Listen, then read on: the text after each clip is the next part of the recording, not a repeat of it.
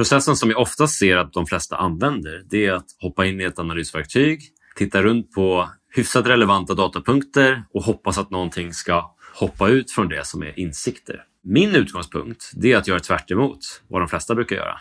Att eh, börja med målet, insikten eller värdet som vi vill få ut och sen gå bakåt därifrån. Så börja med att fundera på vad är det vi faktiskt vill uppnå med den här analysen? Varför? Vad är det vi ska få svar på? Och sen så går vi stegen därifrån bakåt.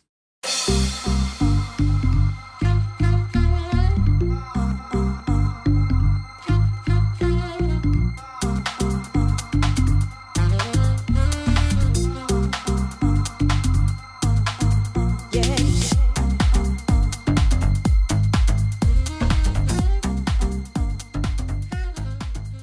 Välkommen tillbaka till Digital marknadsföring med Tony Hammarlund. Det här är en podd där jag intervjuar branschexperter och marknadsförare för att lära mig mer om digital marknadsföring. Mitt mål med podden är att bli en bättre marknadsförare och samtidigt dela med mig av intressanta samtal med några av Sveriges bästa marknadsförare.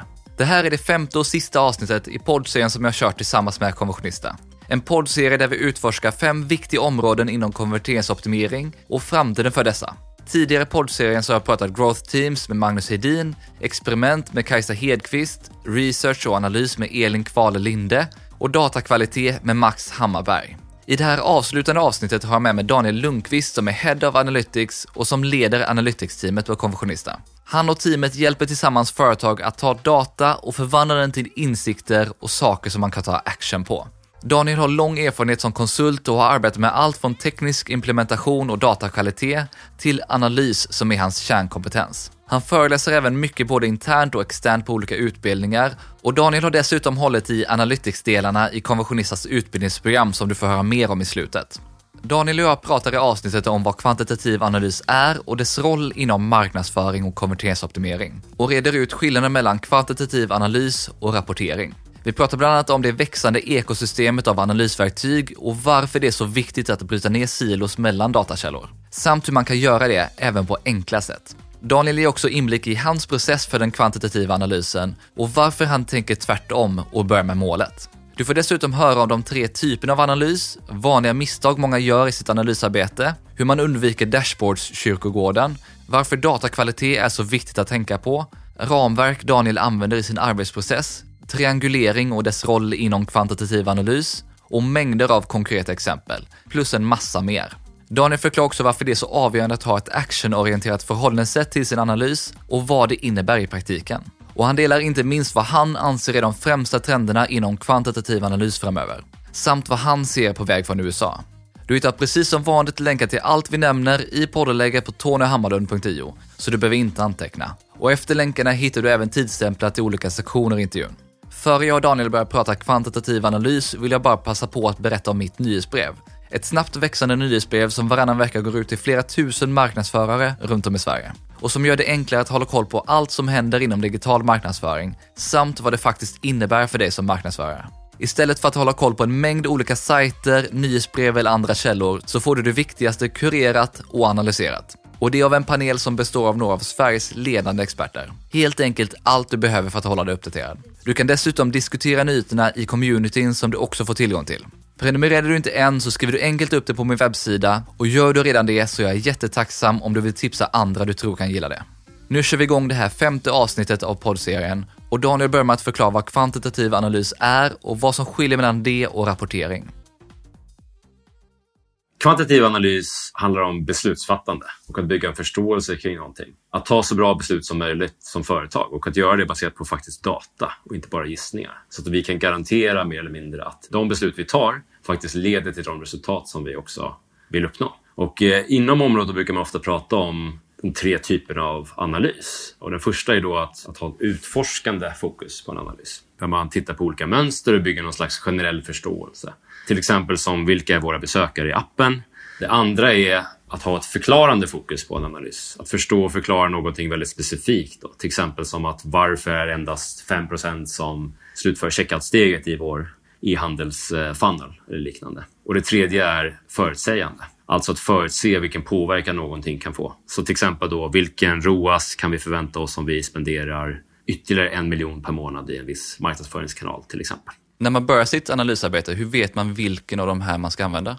man får utgå ifrån vad man vill, vill uppnå med analysen. Och eh, oftast för att ha en bra analys så är det vissa återkommande teman som är vanliga. Så att en bra analys bygger oftast på någon slags skapande av kontraster. Och några exempel på det är ju kostnad jämfört med fördel till exempel. Ska vi implementera det här AB-testet eller inte? Vad kan vi förvänta oss från det? Risk jämfört med avkastning till exempel prissättning på hemsidan. Om vi ökar priserna kanske vi får en ökad vinst, men vi också riskerar att förlora försäljning potentiellt. Eller till exempel tillgång jämfört med efterfrågan. Så att utvärdera till exempel investering då per marknadsföringskanal eller liknande. Det här är ju olika typer av kvantitativa analyser, men sen är det ibland som man bara vill se hur saker presterar, till exempel hur en e-handelssajt presterar och där man mer rapporterar på data eller tittar på dashboards och liknande. Hur hänger det ihop? Både analys och rapportering har ju väldigt viktiga syften, men det är olika syften. Och eh, ofta märker vi att det finns en förvirring faktiskt hos kunder kring just skillnaden mellan analys och rapportering. Så att dashboards till exempel då kan ju vara väldigt värdefulla, men det är inte analys i sig, utan rapportering är ju då en bild av hur till exempel försäljningen var igår, men säger inget om vad de siffrorna betyder för oss eller hur vi ska agera på det. Det är där analysen kommer in grundläggande use case som många har skulle kunna vara att till exempel förstå hur ens e-handelssajt presterar. Då är ett rapporteringsfokus rätt med till exempel dashboards eller liknande statiska rapporter som ger en bra överblick över någonting här och nu och hur det trendar över tid. Däremot så blir det lätt en väldigt ytlig förståelse och det är svårt att ge något mer än just den översikten. Då. Och skulle vårt use case istället vara att eh, förstå varför till exempel 70 procent av våra besökare inte går vidare i checkout, då är det ju analys som gäller istället. Då. Så att analys är väldigt bra att använda om man vill svara specifika frågeställningar, lösa konkreta problem eller bygga en djup förståelse för någonting. Ofta märker vi hos kunder att det finns en förvirring kring just det här. Att många vill ha en dashboard på något som de bara vill ha ett svar på här och nu och inte något som de faktiskt ska titta på återkommande och se hur det förändras över tid. Och då blir det oftast det här scenariot som många bolag har, att man, man har hundratals dashboards som ingen någonsin tittar på. Så det blir den här stora kyrkogården med dashboards som, som ingen bryr sig om eller tittar på överhuvudtaget. Det är ju felanvändning av rapportering så att säga. Och då är det bättre att fokusera på, på analys av specifika frågor för att bygga den förståelse man behöver här och nu. Och är det någonting man behöver titta på över längre tid och så vidare, då kan man skapa rapporter istället. Det är jättebra att få den här tydliga beskrivningen, för det blir lätt att man pratar om att man ska göra en analys, men det man egentligen får i uppgift att göra är att rapportera data. Precis så, och ofta blir det så att analytiker bygger upp då hundratals dashboards för att svara på frågor som någon stakeholder egentligen bara vill ha svar på en gång i, i en rapport eller liknande. Det skapar också ofta väldigt mycket frustration för de som jobbar inom området att, eh, att behöva bygga upp massa saker som inte sen används och så vidare. Det är en återkommande källa till frustration för, för många inom, inom branschen. Hur ser du på den kvantitativa analysen och dess roll inom marknadsföring idag? Jag skulle säga att, att uh, utvecklingen inom marknadsföring under lång tid har ju varit från det här att du, du bara har det kreativa och du har väldigt svårt att mäta och följa upp vad det ger för resultat till den världen vi har idag då med förmågan att följa egentligen varenda liten interaktion som, som sker. Det har gjort att marknadsföring har ju gått mot analysvärlden och mot analyticsvärlden. Så att jag skulle säga att den har en stor, otroligt stor del egentligen idag inom digitala marknadsföringsvärlden för att du faktiskt ska kunna följa upp och iterera och förbättra allting du gör eh, och kunna basera dina beslut på, på faktisk data. Då. Skiljer det något, skulle du säga, hur man ser på den kvantitativa analysen inom marknadsföring kontra konverteringsoptimering? Absolut, det tycker jag kopplat till hur man agerar på det. Det är väl där det skiljer sig väldigt mycket. Så inom konverteringsoptimering kanske det handlar mycket om att agera på hur man utvecklar sin digitala tjänst webbsida eller app eller liknande kanske förändrar design eller UX eller vad det nu kan vara. Medan marknadsföring kan man ju aktivera på andra sätt. Då. Att man tittar på hur man kommunicerar med sina kunder i externa kanaler och hur olika kampanjer eh, presterar och anpassar dem också då efter resultaten och hela tiden ganska väldigt snabbt då kunna ändra och modifiera saker och ting och också göra tester kanske med annonser och liknande. Så att man aktiverar väl datan på olika sätt bara men, men det är väl samma mindset i grunden att man testar saker och sen så utvecklar utvärderar man dem och så anpassar man det efter tid. Vilka verktyg eller plattformar skulle du säga används mest inom analysarbetet? Ofta ser vi en kombination av verktyg hos bolag och allting är väldigt beroende på mognadsgrad och hur stort bolaget är. Men väldigt vanligt är att man har något webbanalysverktyg på plats, såsom Google Analytics och eh, Adobe Analytics till exempel. Eller att man har ett Product Analytics-verktyg som Mixpanel eller Amplitude. Det är ofta kombinerat då med BI-verktyg som Power BI eller Tableau. Eh, om man är lite större företag i alla fall. Sen har vi också en, en, en, en rad kunder som, som arbetar just med molnbaserade datavaruhusprodukter som BigQuery, Snowflake och så vidare. Och då gör vi oftast rådataanalyser kopplat till den datan med Jupyter och RStudio. Och vår utgångspunkt på Conchista är att vi alltid anpassar efter våra kunder och vad de använder för verktyg. För det är väldigt brett så att vi fokuserar på att anpassa oss efter vad, vad våra kunder har för verktyg på plats och de behov som de har.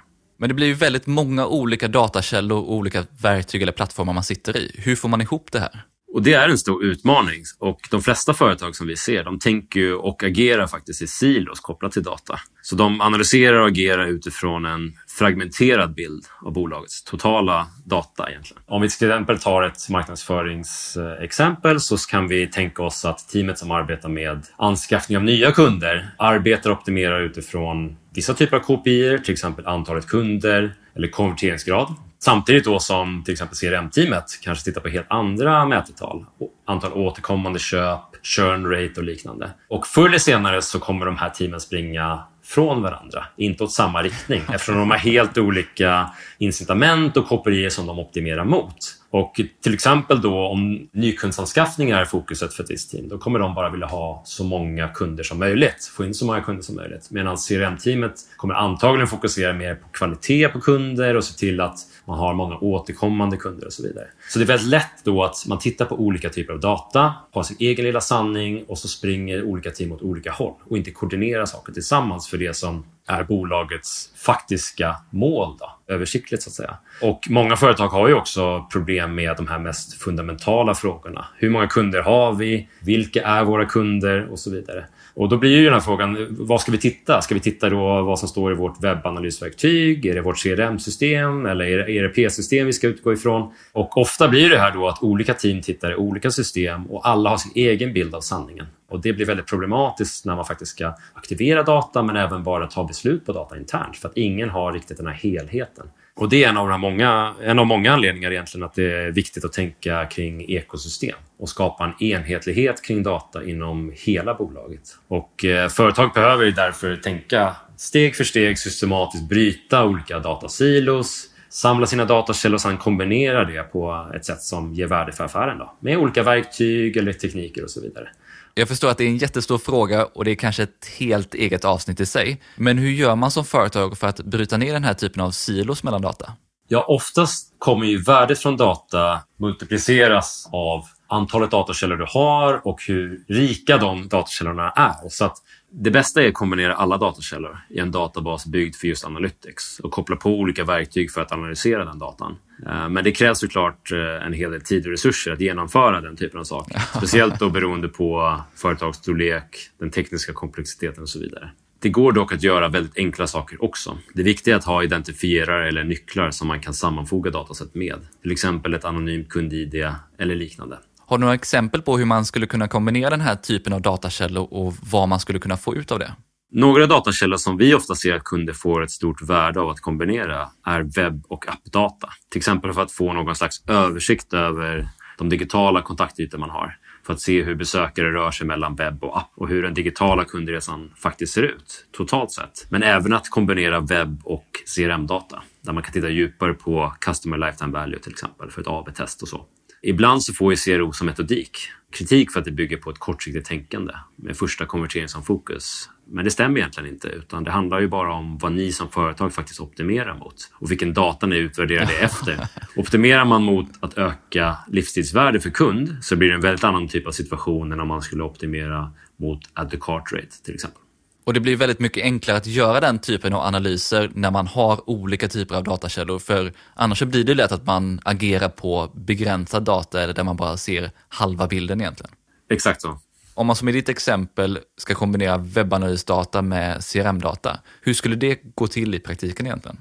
Så har vi då, så som vi sa alldeles nyss, då, till exempel vår webbdata och CRM-data. Kan vi, skulle vi manuellt kunna exportera den datan. Vi vill analysera i CSV-filer eller så. Och sen göra till och med grundläggande saker i Excel faktiskt. Eller importera de filerna i gratisversionen av Tableau till exempel. Sammanfoga de datakällorna där och göra lite mer avancerade saker. Och allt är självklart beroende också på vad som är möjligt med den data man har. Men det går oftast att göra mer än vad många tror faktiskt. Det är så bra att få den här enklare typen av exempel också för att ofta så hör man att, som du var inne på, man behöver kombinera all sin data i någon typ av data lake eller i BigQuery eller någon annan ställe där man för in all data och det blir väldigt snabbt väldigt komplext också. Absolut, och det är ett jättebra mål att ha och jobba systematiskt mot det. Men man ska inte tro att man måste samla allting innan man kan göra någonting. så att säga. Utan du kan också med lite kreativitet och, eh, och enklare tekniker också faktiskt komma längre än vad många tror. Men då kommer vi in på just hur man faktiskt jobbar med den kvantitativa analysen. Så hur gör man den och hur ser din process ut? Processen som jag ofta ser att de flesta använder, det är att hoppa in i ett analysverktyg, titta runt på hyfsat relevanta datapunkter och hoppas att någonting ska hoppa ut från det som är insikter. Och eh, min utgångspunkt det är att göra tvärt vad de flesta brukar göra. Att eh, börja med målet, insikten eller värdet som vi vill få ut och sen gå bakåt därifrån. Så börja med att fundera på vad är det vi faktiskt vill uppnå med den här analysen? Varför? Vad är det vi ska få svar på? Och sen så går vi stegen därifrån bakåt och då titta på vilken data behöver vi för det? Har vi den datan? Om vi inte har den datan, hur kan vi få tillgång till den datan? Och det kan ju till exempel vara då att vi behöver vår webbdata här, vissa typer av data därifrån. Vi behöver viss typ av data från en viss marknadsföringskanal eller liknande för att kunna genomföra analysen. Sen behöver vi titta på vilka steg behöver vi då genomföra för att få de svar som vi faktiskt eftersöker med det målet som vi har. När man jobbar med analys så är det nästan oändligt olika vägar man kan gå och titta på data och gräva ner sig och så vidare. Det blir väldigt lätt då att hamna kanske på sidospår och liknande. Så det är bra att fundera då redan från början på vad är det vi faktiskt behöver titta på och vilka steg behöver vi genomföra för att få det som vi behöver sätta någon slags plan för det. Då. Och när vi väl har gjort det, då får man också börja titta på den här datan nu som vi ser, de här mönstren som vi ser. Hur vet vi att det faktiskt stämmer? Har vi tillräckligt med data för att dra statistiska slutsatser? Kan vi bekräfta det vi ser på något sätt med andra datapunkter? Eller kan vi avvisa de här mönstren och så vidare? Man behöver alltid vara kritisk till, till data och datakvalitet och fundera på om det är rimligt det man ser eller inte. Så att om konverteringsgraden går upp 500 procent på en dag, då är det antagligen någonting fel på datan. Inte att affären har gått fantastiskt bra. Så man måste alltid ha den här skepticismen i, i bakhuvudet och fundera på om det är rimligt och se om man kan bekräfta då att det som man faktiskt ser stämmer eller inte. Jag tycker det här är ett fantastiskt sätt att tänka på och börja tvärtom, att börja med målet först. Men börjar man alltid med ett väldigt konkret mål när man börjar med sin analys? Man måste inte göra det, utan man kan dela upp det egentligen i två kategorier. Man kan ha en generell frågeställning eller en väldigt specifik. Och de fyller olika syften, men är extremt värdefulla båda två. Så att har man en mer generell frågeställning, att man vill bygga en viss förståelse om någonting, säg att ett visst segment av kunder eller en viss funktion på sajten, hur den används och så vidare, så är det ett mål i sig också. Att förstå hur den används och, och bygga en djupare förståelse för någonting. Eller har man ett väldigt konkret problem som man försöker lösa. Och processen funkar likadant egentligen för både och. Bara att det man får ut på slutet är olika saker. Antingen då en, en helhetsbild om hur någonting ligger till eller hur det funkar. Eller en konkret action på hur man skulle kunna förändra någonting framåt. Men vad är det för typ av mål som man börjar sin analys med? Man kan börja med en generell frågeställning, bara för att förstå till exempel vilka ens kunder är eller hur olika typer av funktionalitet används på, på sin hemsida till exempel. Och Det är extremt värdefullt för att faktiskt kunna ha ett mindset och en utgångspunkt som är i verkligheten baserat på data i allting man sen då gör. Allt ifrån utveckling av sin hemsida eller hur man riktar in sig i sina marknadsföringskampanjer och så vidare att målet då blir att bygga en förståelse för någonting i sig. Ett specifikt mål skulle kunna vara då att när man väl har en generell förståelse för sin sida, att faktiskt gräva sig ner då djupare inom någonting specifikt som skulle vara värdefullt för bolaget att kunna agera på eller bli bättre inom. Till exempel då, hur kan vi öka ordervärde för den här typen av segment? Och då titta närmare på det, förstå vilka drivkrafter som ligger bakom ordervärde. Då. Antalet kunder, hur mycket de köper, hur ofta de köper och sådana här typer av faktorer för att förstå vad som bidrar mest idag och vad som ligger efter och så vidare. Då kanske man inser det att okej, okay, det är att viss typ av segment lägger till färre i varukorgen än andra. Hur kommer det sig att det är så? Så kan man gräva i detaljerna där för att förstå vad man skulle kunna göra för att förbättra det. Det kan ju vara så att vissa stöter på ett visst problem i ett checkout-flöde. De kommer inte vidare där eller de backar från checkout-flödet för att lägga till en produkt. Kan vi då göra det enklare för dem att lägga till de produkterna direkt i checkout? Till exempel. Det har varit flera kundexempel på där vi har sett att kundbeteendet visar att folk lämnar checkout för att lägga till olika produkter. Och då har ju ett naturligt val blivit för oss att säga att vad händer om ni har möjligheten i checkout att lägga till vanliga tilläggsprodukter? tycker det är ett fantastiskt exempel och den här typen av specifika frågeställningar och specifika mål är ju det som jag direkt kommer till som marknadsförare. Men det är ju intressant att höra också den här typen av mer generella frågeställningar, generella mål. Inom marknadsföring kan det handla mycket om att förstå vilka besökare som är mest troliga att bli kunder.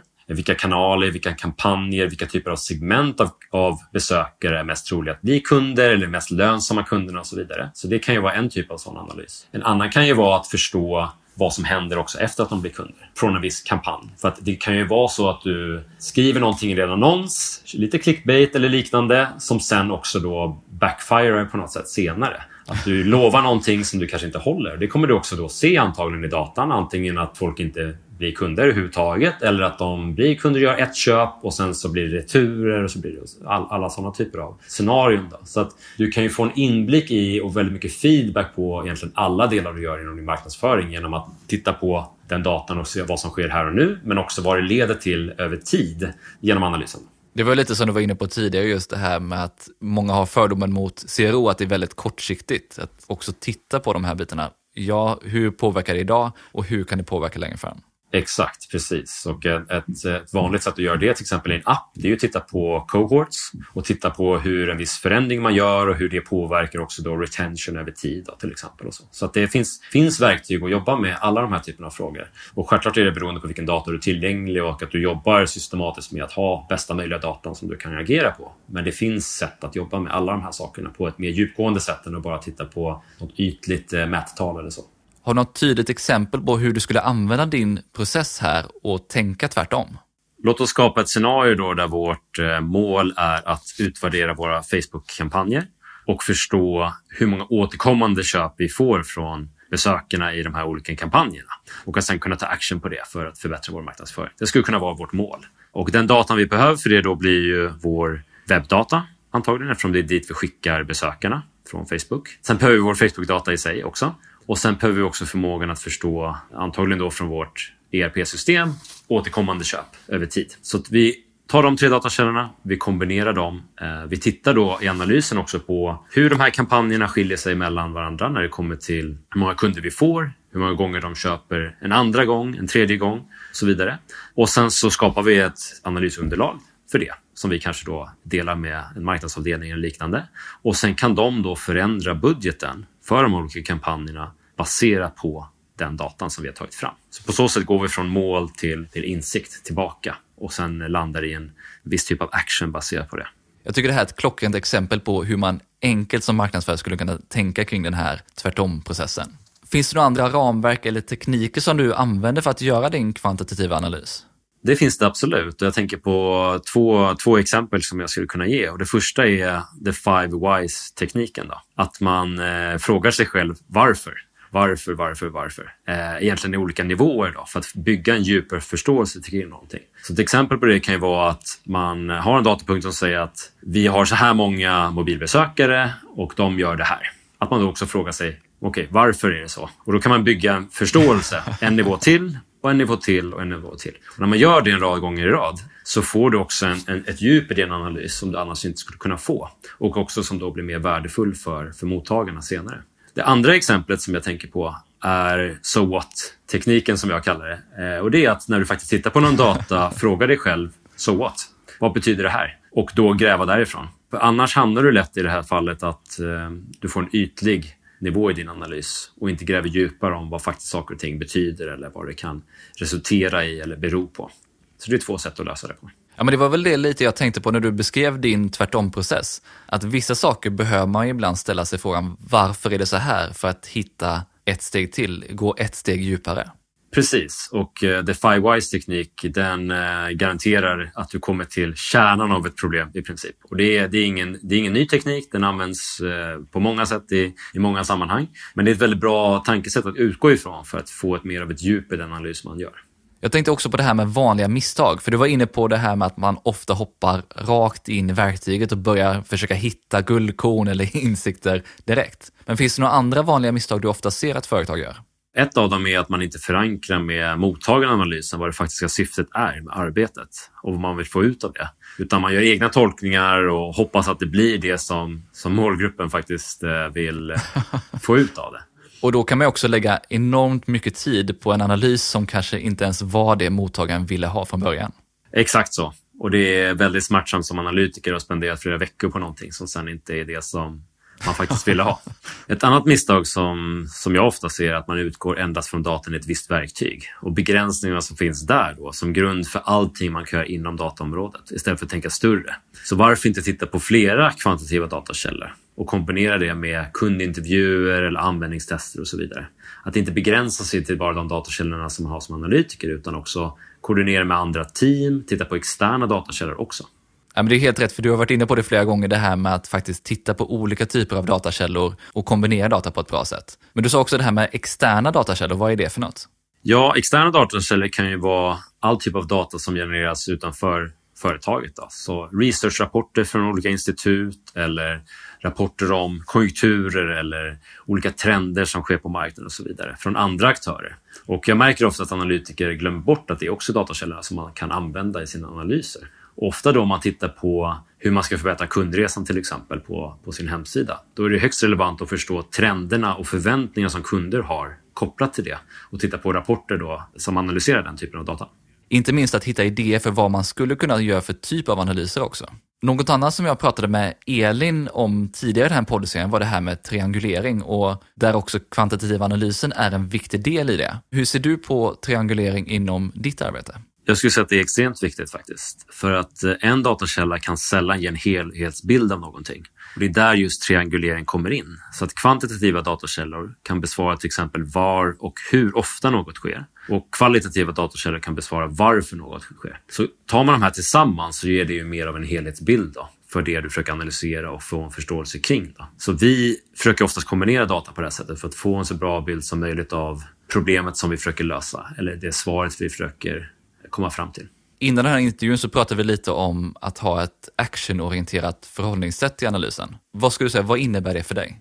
Jag skulle säga att grunden för det är att inte fastna i att bara prata om hur någonting ligger till i analys. Till exempel då bara berätta om vissa datapunkter eller så. Utan att utgå mer från en struktur där man börjar med att säga vad datan säger, men sen gå vidare till att prata om vad det faktiskt betyder för oss, vad den datan säger. Och sen gå vidare med en slags rekommendation då och säga hur kan eller ska vi agera på det här och nu? Då?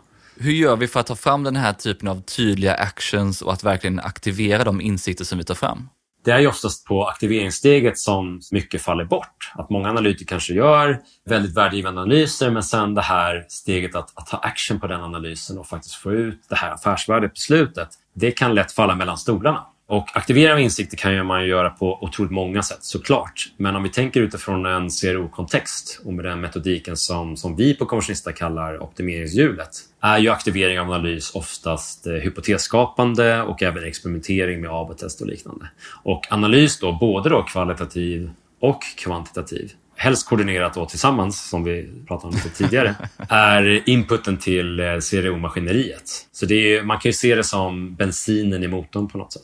Tänker man mer utifrån marknadsföring då, och här finns det egentligen oändligt med exempel, men om man ska utgå från några enkla så man tänker då acquisition så är aktivering av målgrupper ett sätt att göra det. Genom då den typ av analysverktyg som man använder, till exempel Google Analytics, Amplitude, Mixpanel har ju den typen av funktionalitet. Att du kan skapa målgrupper och sen aktivera dem till olika marknadsföringsplattformar. Som vi då till exempel analyserar olika navigationsvägar och kanaler som besökare tagit för att bli kunder på vår hemsida. Varför då inte gå vidare med de insikterna och skapa målgrupper baserat på den högst konverterade vägen till exempel. Och sen aktivera den datan i Google Ads för att till exempel försöka få fler kunder med de karaktärsdragen eller att guida våra besökare en viss väg på vår sajt som vi har upptäckt ökar sannolikheten att de eh, blir kunder.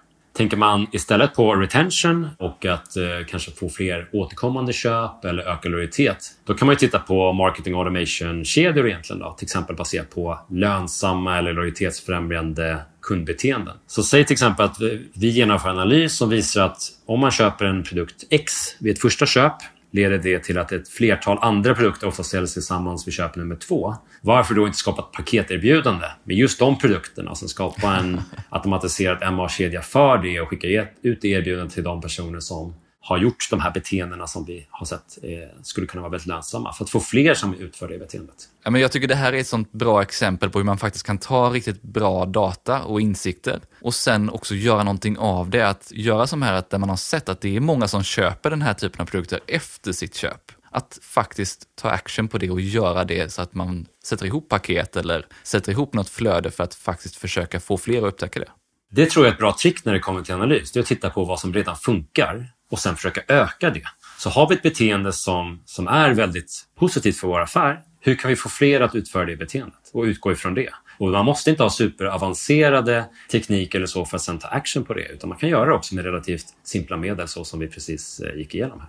Hur vanligt skulle du säga det är att företag har det här förhållningssättet till sin analys och hur man aktiverar insikter? Jag skulle säga att det skiljer sig väldigt mycket såklart. Alla företag har ju sitt sammanhang och eh, det är allt ifrån jättestora bolag, de har ju vissa utmaningar och sen har du startups och de har helt andra utmaningar. Så det, det, det är väldigt individuellt. Men det som jag tycker är återkommande är att många försöker komplicera just steget där man ska ta action på analysen. Om man tror att det ska krävas eh, tio sprintar och, och tre team som ska ta action på någonting där det kanske finns en enklare variant på det som skulle kunna ge jättemycket värde också. Och sen skulle man kunna iterera därifrån när man också bevisat konceptet mer och göra en mer avancerad version av det, nummer två eller liknande. Det här är ju du jobbar med kvantitativ analys idag och hur man kan göra det riktigt bra idag. Men det händer ju också en hel del inom det här området. Så vad ser du för större händelser eller trender framöver inom kvantitativ analys som kommer påverka mycket hur vi jobbar med det? Ja, det finns, jag skulle säga tre stora trender som jag tänker på. Det första är mängden och typen av data som blir tillgänglig nu steg för steg. I och med digitaliseringen av i princip alla delar av samhället och internets förmåga att steg för steg sluka del för del av ekonomin så ser vi en explosion i den mängden av data som genereras år för år. Och Det är en exponentiell kurva som ökar hela tiden. Utmaningen blir framåt precis det vi har idag, men ännu värre egentligen. Att ta stora, antagligen enorma mängder data och få ut värdegemensamma insikter från det. För analytiker specifikt då så innebär det här att det finns fler och fler typer av datakällor tillgängliga och datan är också mer och mer komplex. Det är andra typer av datakällor som är mer ostrukturerade som blir tillgängliga och så vidare. Och att få det att funka och få ut värde från det är en, en, en stor utmaning men också en väldigt tydlig trend som, som vi ser nu. Men vad innebär det i praktiken att vi får så mycket mer data och att det håller på att accelerera egentligen? Det innebär att många företag går från att försöka hitta värde från en eller två datakällor till fem eller tio stycken. Så man är i väldigt många olika marknadsföringskanaler samtidigt till exempel. Man har ljud och man har bild och man har video som olika datakällor. Och den typen av datakällor medför en otrolig komplexitet när det kommer till analys i jämförelse mot väldigt strukturerade datakällor. Och att få allt det här och komma samman och få ut ett värde från det är en stor utmaning. Det här var en av dina trender. Vad är de andra två? Sen tänker jag på, på AI. Då. Så det är mycket snack om AI generellt, självklart. Och när det kommer till just analys, då ser jag att eh, det kommer ge ett väldigt givande samarbete mellan människa och maskin framåt. Inte att den ena konkurrerar ut den andra. Så när det gäller just analys så finns det väldigt fina synergier mellan just styrkorna och svagheterna hos båda som kompletterar varandra. Så att maskiner är väldigt bra på att titta på enorma datamängder, hitta mönster i, i, i den datan. Medan människor är bra på att tolka, hitta djupdyk, skapa frågeställningar, hitta värde kopplat till affären och så vidare. Så tillsammans så blir det en väldigt tydlig helhet. Då. Och några tydliga exempel på det är att vi ser mer och mer AI som kommer in i de analysverktyg som, som folk använder. Där då maskiner upptäcker när någonting bryter en trend eller någonting sticker ut och så flaggar den det direkt. Då. Och då kan en analytiker gå in djupare på det, undersöka varför och vad det betyder och så vidare. Så det finns ett fint samspel där. Och hur tror du att AI kommer påverka arbetet framöver sen? Jag tror att det innebär att analytiker kommer få en ökad hävstång och effektivitet i sitt arbete. Kan du ge exempel på hur AI används idag och också hur du tror att det kommer kunna användas framöver?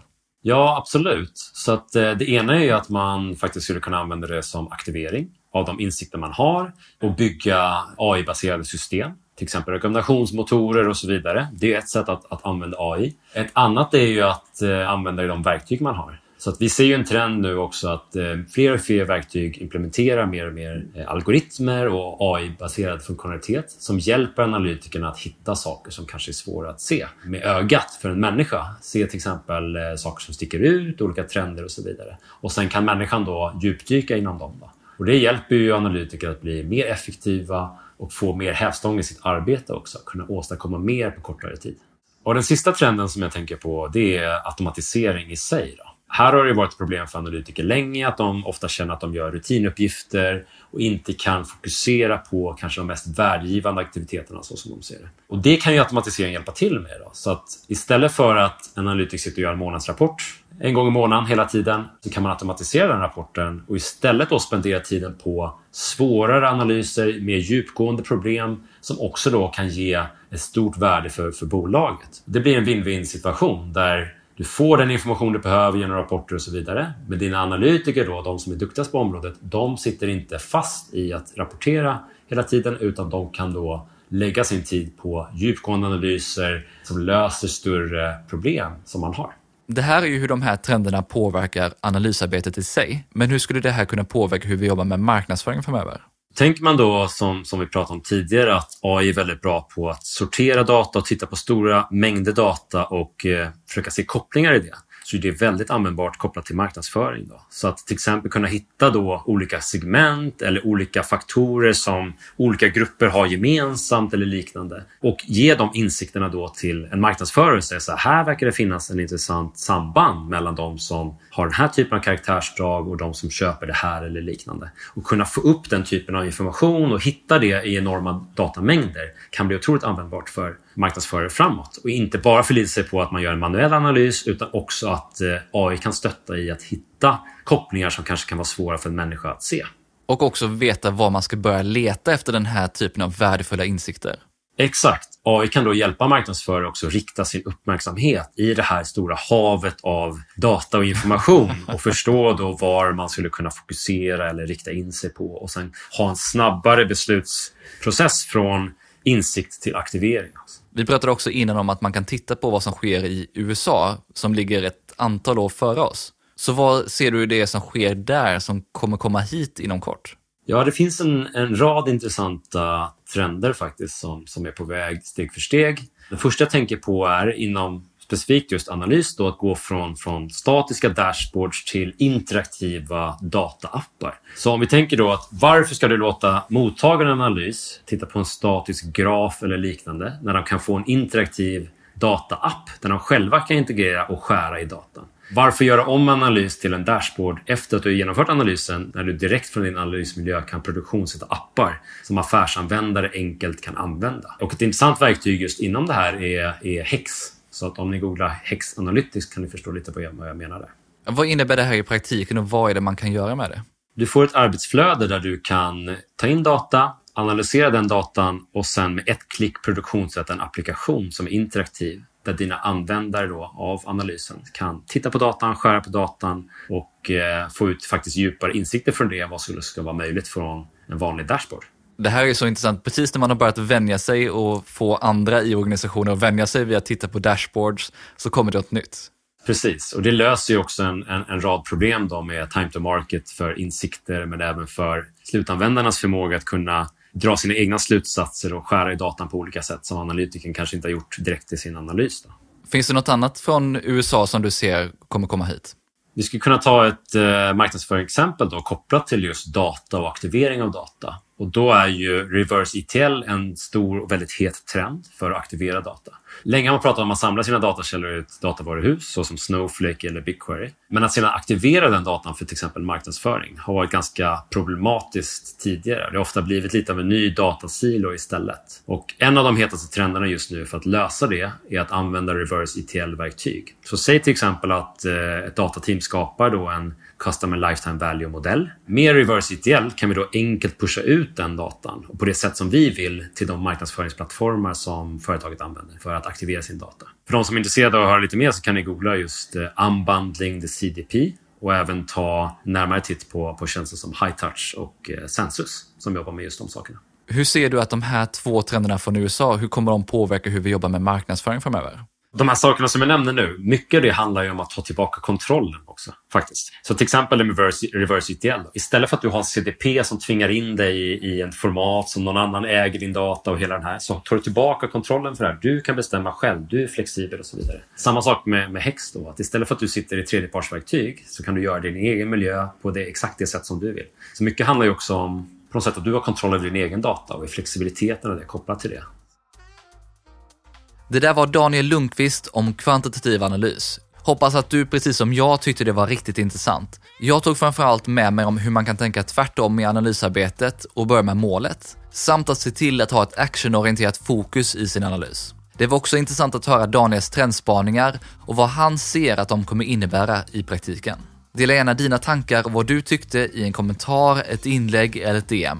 Tipsa också gärna någon du tror kan tycka om det här avsnittet och podden och glöm inte av att prenumerera i din poddapp. Du hittar som vanligt länkar till allt vi nämnde i poddenläget på tonyhammarlund.io. Kolla också gärna in de tidigare intervjuerna i den här poddserien där jag har pratat growth teams med Magnus Hedin, experiment med Kajsa Hedqvist, research och analys med Elin Kvale Linde och datakvalitet med Max Hammarberg. Jag vill även passa på att tipsa om Konfessionistas utbildningsprogram som heter Conversion Manager. Det körs två gånger om året och man får lära sig deras metodik för att arbeta mer datadrivet och förbättra sin konvertering. Nytt för i år är också att man kan välja att gå enskilda utbildningsdagar. Du som använder koden Hammarlund vid anmälan får 1000 kronor i rabatt på valfri dag eller 10% på hela programmet. Du hittar mer information på conversionmanager.se och länken finns självklart i poddenlägget. Sist men inte minst så vill jag passa på att tacka Mikael Lindberg på Better Waves som hjälper till med att producera den här podden och stå för musiken. Vi hörs snart igen med fler intressanta gäster och ämnen.